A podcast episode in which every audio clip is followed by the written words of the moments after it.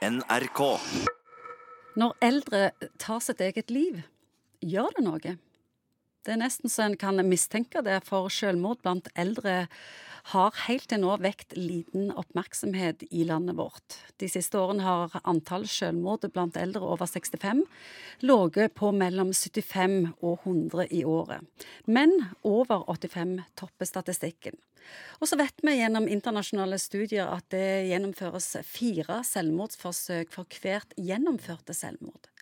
Det er mye det, psykolog Egon Hagen. Ja, og det, jeg synes det er godt at dette kommer på dagsordenen, for det, det vi vet noe om, det har vi bedre forutsetninger for å gjøre noe med.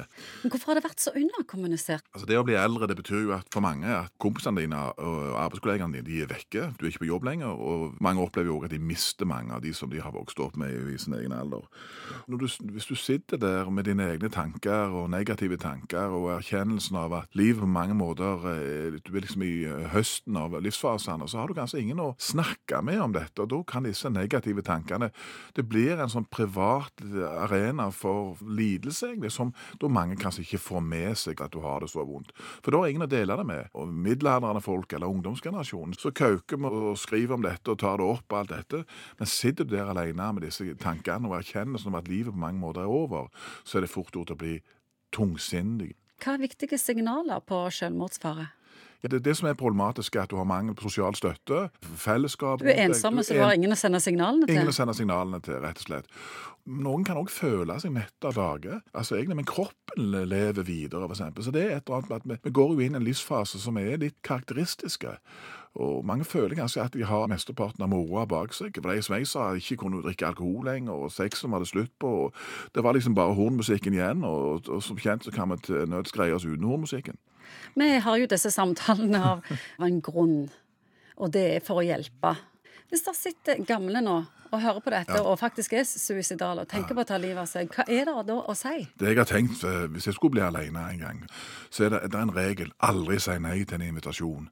Aldri. Prøv å gå på det. For det er så fort gjort at du får én og to invitasjoner, og sier du nei da, så er du liksom ute. Sånn er det òg hvis det er noen muligheter for noen eldretreff, hvis det er noen muligheter for å komme ut, og, og få noen timers fri i forhold til ditt eget tankekjør, så gjør det. Noen og om du ikke får invitasjon, så oppsøk. Opp, oppsøk. Spør hvor kan jeg treffe andre. For du kan òg treffe selv langt ut i livet folk som du kanskje ikke har kjent fra før som kan gi deg, som kan være veldig kjekke å være sammen med. Og melde deg frivillige til ting? Sånne ting òg. Og så er det òg med å være forsiktig med alkohol. Vi vet jo at mange eldre òg eh, drikker mer enn før, faktisk. Og være klar over de tingene som vi har snakket om før, at vi, vi bryter ned alkohol dårligere når vi blir eldre. Og alkoholen legger seg opp i generelt dårligere helse, som kan ta fra deg noe av den der kraften og poweren som du trenger for å komme deg ut og, og få kontakt med andre. Og mange ganger så trenger du bare én nær relasjon. Én person som vet at du finnes der, og som du kan snakke med om det du opplever. Alt dette, og det kan ha en enorm stor betydning.